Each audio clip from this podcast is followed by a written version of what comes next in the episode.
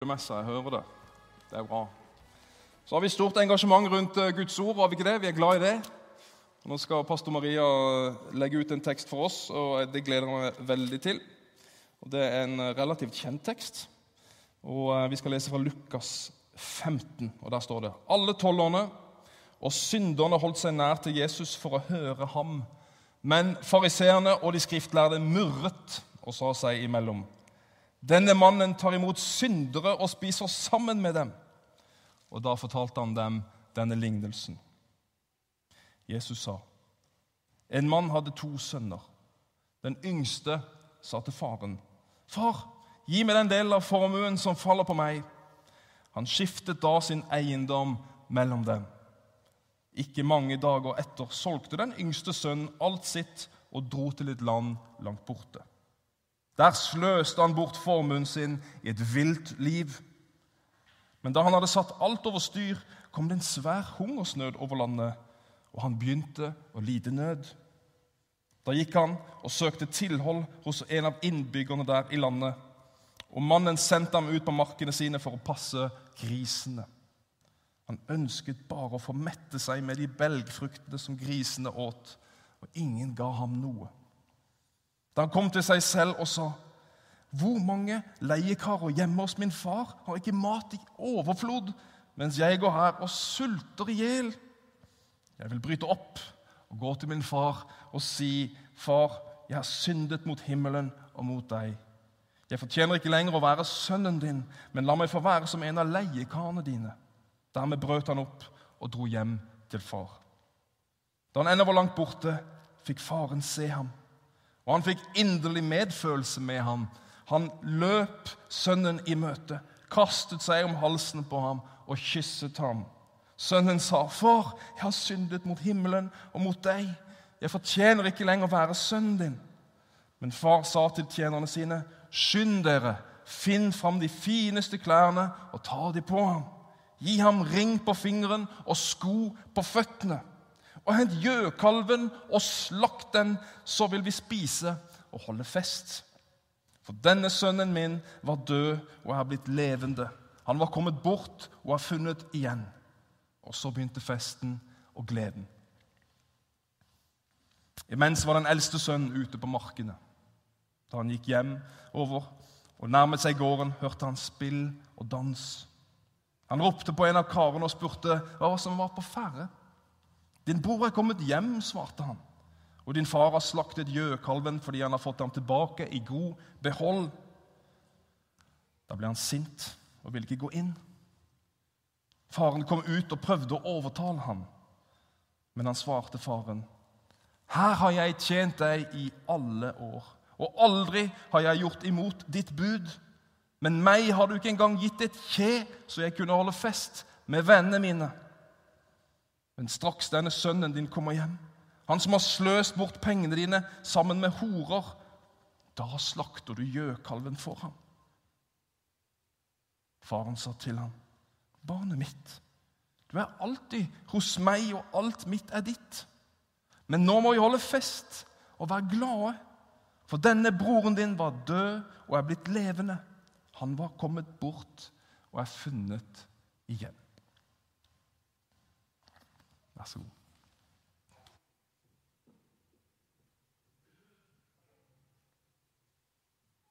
Det er en fantastisk historie. Først og fremst om en far. Og I dag er det jo farsdag. Jeg pynta meg for alle fedre i dag. Mest for han som er far for mine barn. Men det er, dette historien om eh, en far det, det er foreslått mange titler til denne historien.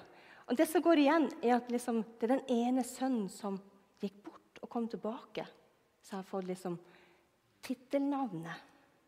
Men dette er historien om en far, om to sønner. Og så er det verdt å legge merke til hvem er det Jesus forteller denne historien til. Jo, det var de religiøse lederne som sto og murra der. Derfor har han denne historien. Hva er det Jesus prøver å fortelle til dem? Og hva er det han prøver å fortelle til oss her i dag? Og kanskje oss som er litt storebrødre. Kanskje vil vi aller helst at eh, Jesus skulle fortelle denne historien. Og så vil han stoppe. Kan du ikke stoppe når lillebror kommer hjem, og far som omslutter holder fest? Kunne ikke det ha stoppa deg, Jesus? Den er så vakker og enkel i budskapet. Men når Jesus trekker inn den storebroren og hans reaksjon, så blir vi litt sånn utepass. Ja, men Jesus, hva mente du med det? Hva vil du med den historien? Hva mener du?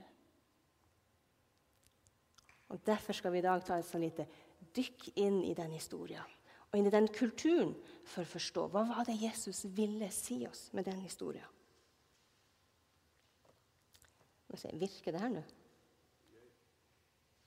Der. Nye bibler de oversetter faktisk ofte ordet 'sønn' med 'barn', for at vi ikke skal misforstå. Det er ikke sånn at Bibelen eh, sier at det er ulikt verdi på ulikt kjønn. Det gjør den ikke. Men i denne kulturen som denne historien blir fortalt i, så hadde kun sønner arverett. Og førstefødte sønn skulle arve dobbel del. Det var sønnene som skulle bringe familienavnet videre. Ikke bare Olsen, Pedersen, Jensen.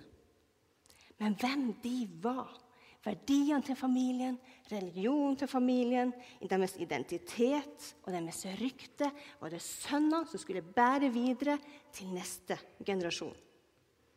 Og det var sønnene som tok vare på familiens økonomi.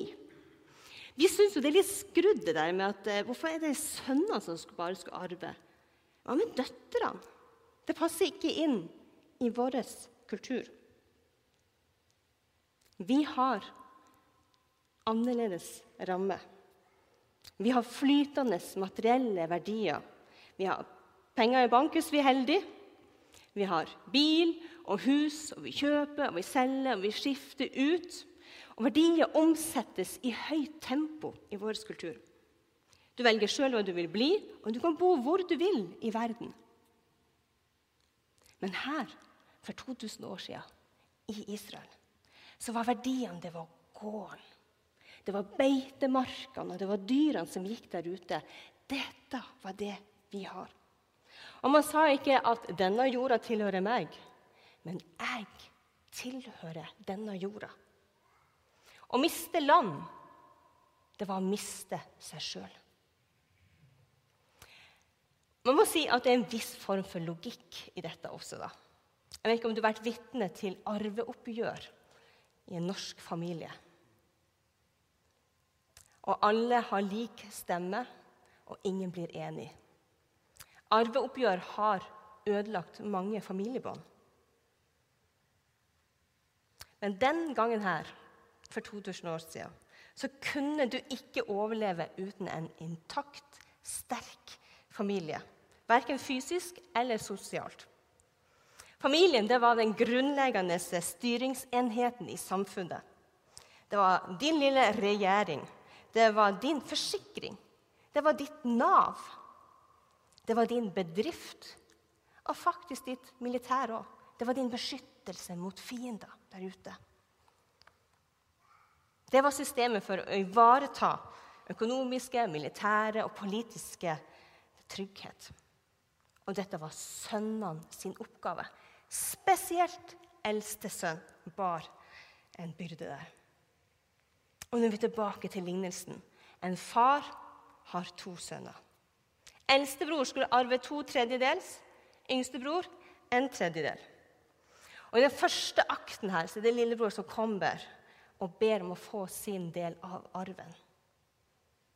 I mellom linjene så sier han, 'Far, du er ikke viktig for meg. Jeg vil ha det du, vil gi, det du kan gi meg, men jeg er ikke interessert i deg. Du kan like godt være død.'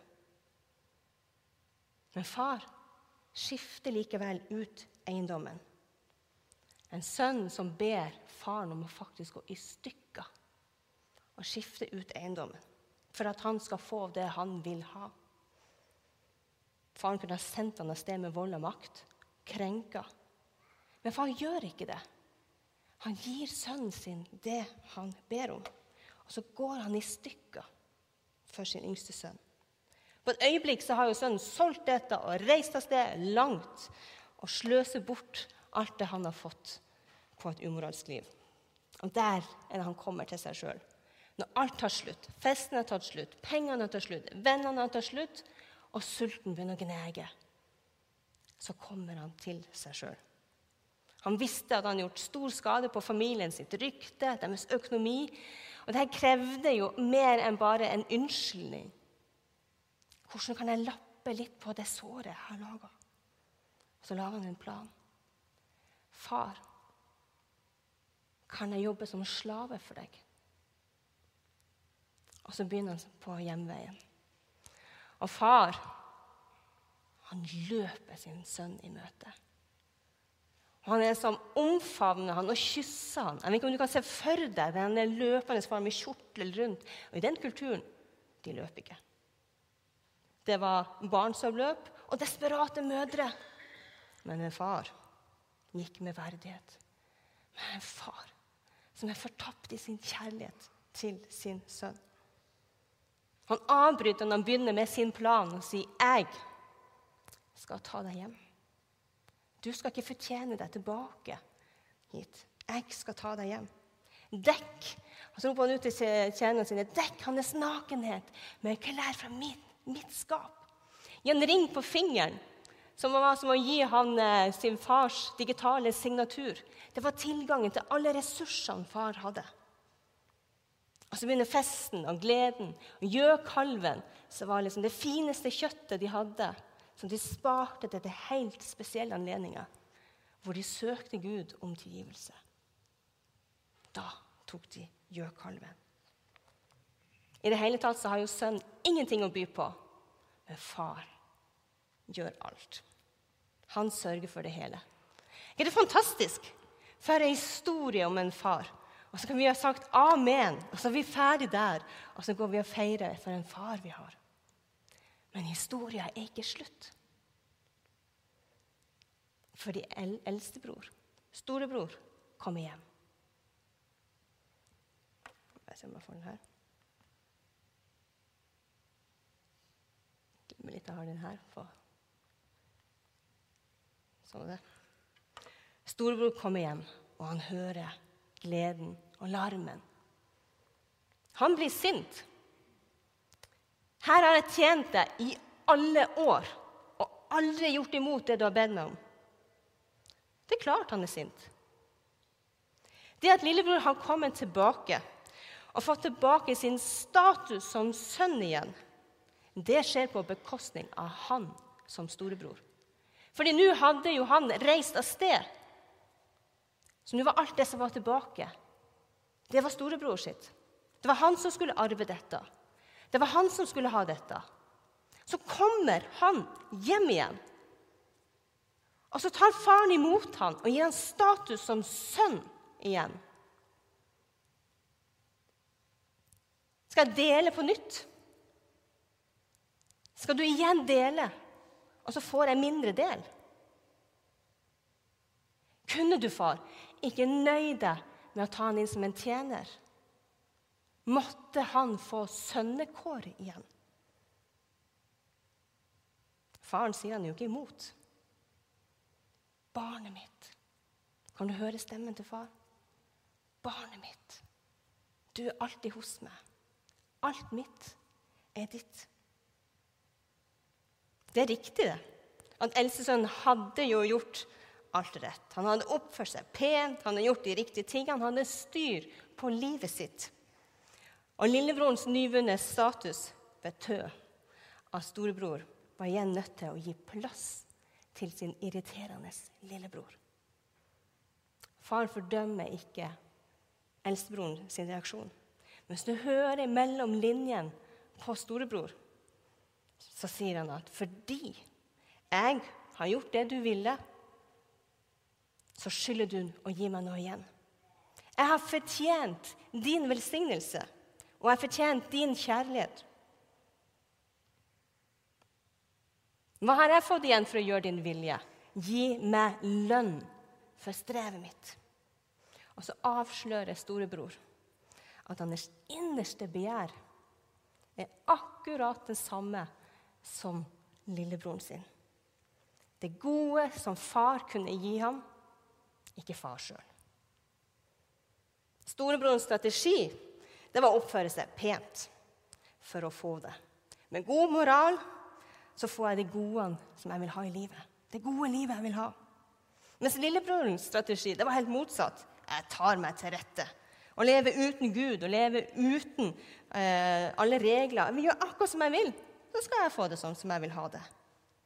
Og Utgangspunktet for begge to er at de har seg sjøl i sentrum. Og hvor faren, eller Gud, brukes som et middel for å få det jeg vil ha.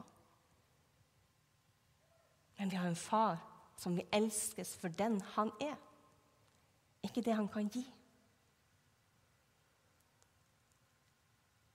I London, hvis du tar T-banen, så sier de 'mind the gap' når du går ut av T-banen over på fast grunn. Det er lite sprekk. Ikke snuble i den. Og jeg vil si 'mind the gap', for vi har en tendens til å kanskje uvisst tenke 'Hvor nær kan jeg komme Gud uten at han får min plass i sentrum her?' For her handler det om 'what's in it for me'? Hva kan jeg få ut av Gud? Lillebror han dro langt vekk fra faren, men storebror han var langt vekk fra far, selv om han var nær. Mind the gap, og ikke snuble. Og det siste poenget, som kanskje er det mest utfordrende her, det er hvorfor, hvorfor dro ikke faren når han sto og speidet etter sin yngste sønn, hvorfor dro han ikke ut for å lete etter ham? Fordi det var eldste sønns sin oppgave. Det var det ansvaret som lå på eldste sønn. En sann storebror han ville ha sagt til sin far jeg skal gå ut og finne min lillebror. Jeg vet at det vil bety at jeg må gi avkall på alt det gode som jeg har her, den trygge gården her. Og jeg skal dra ut. Og så skal jeg finne han. Og så skal jeg gjøre opp for han. Og så skal jeg ta han med, deg, med han hjem til deg, far. Men så må bruke av det, alt det gode du har gitt meg. Det kommer til å koste. Men jeg kjenner ditt hjerte, far. At han er dy mer dyrebar enn noen av de andre tingene du kan gi.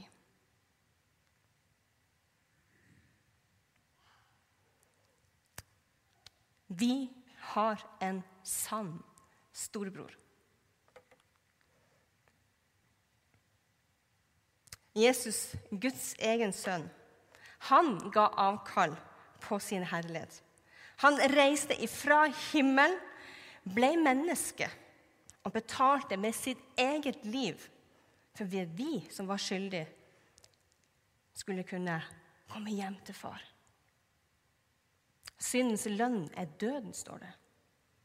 Men vår storebror han kom ned hit og så døden i øynene og sa Mitt liv for Maria. Mitt liv for Kåre. Mitt liv for Jorunn. Slipp fri. Og så var vi fri til å gå hjem. Og den eneste veien hjem det er gjennom Jesus. Og med tro så flytter vi hjem. Og vi har en sann storebror som har gitt plass til oss, så vi kan arve sammen med han. Det var ikke billig. Kosta.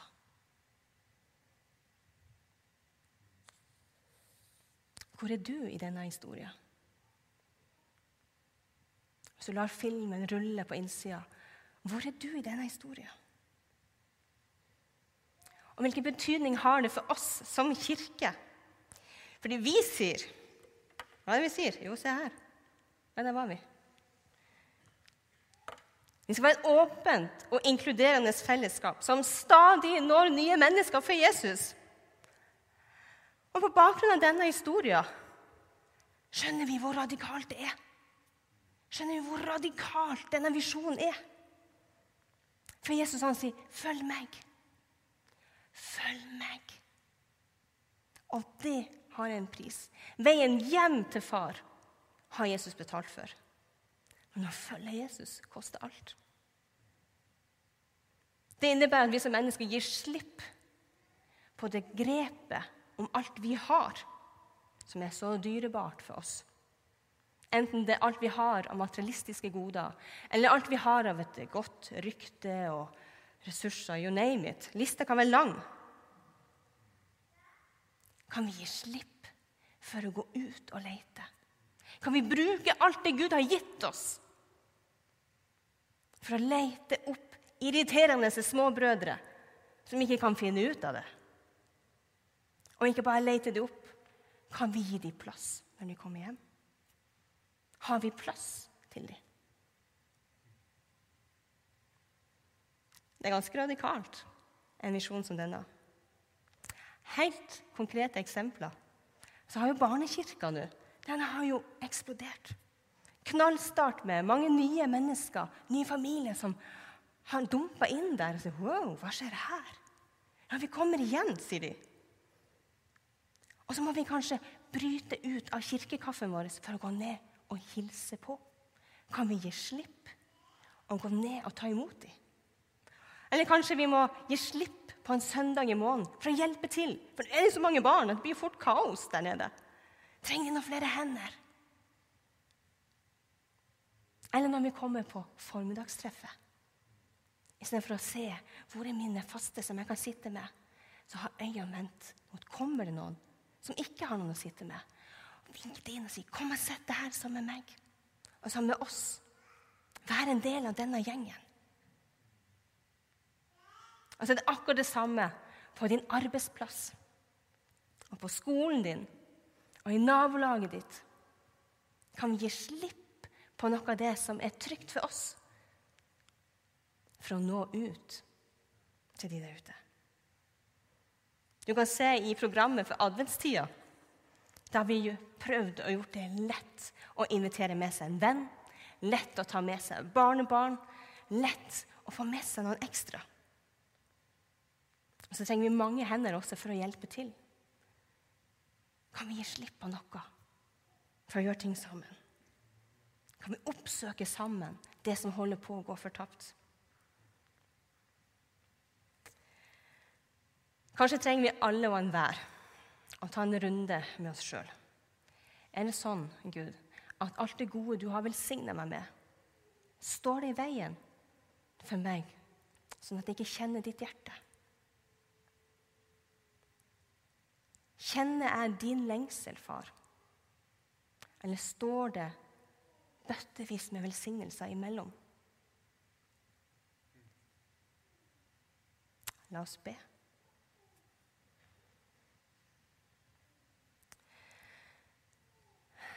Far, du elsker. Og du fordømmer ingen. Men du elsker, og du vil bli elska. Takk fordi at du har sørga for hver enkelt av oss, så vi kunne komme hjem. Takk fordi du har velsigna oss i bøttevis så vil jeg si, far, at du må tilgi oss, for vi har latt det stå i veien.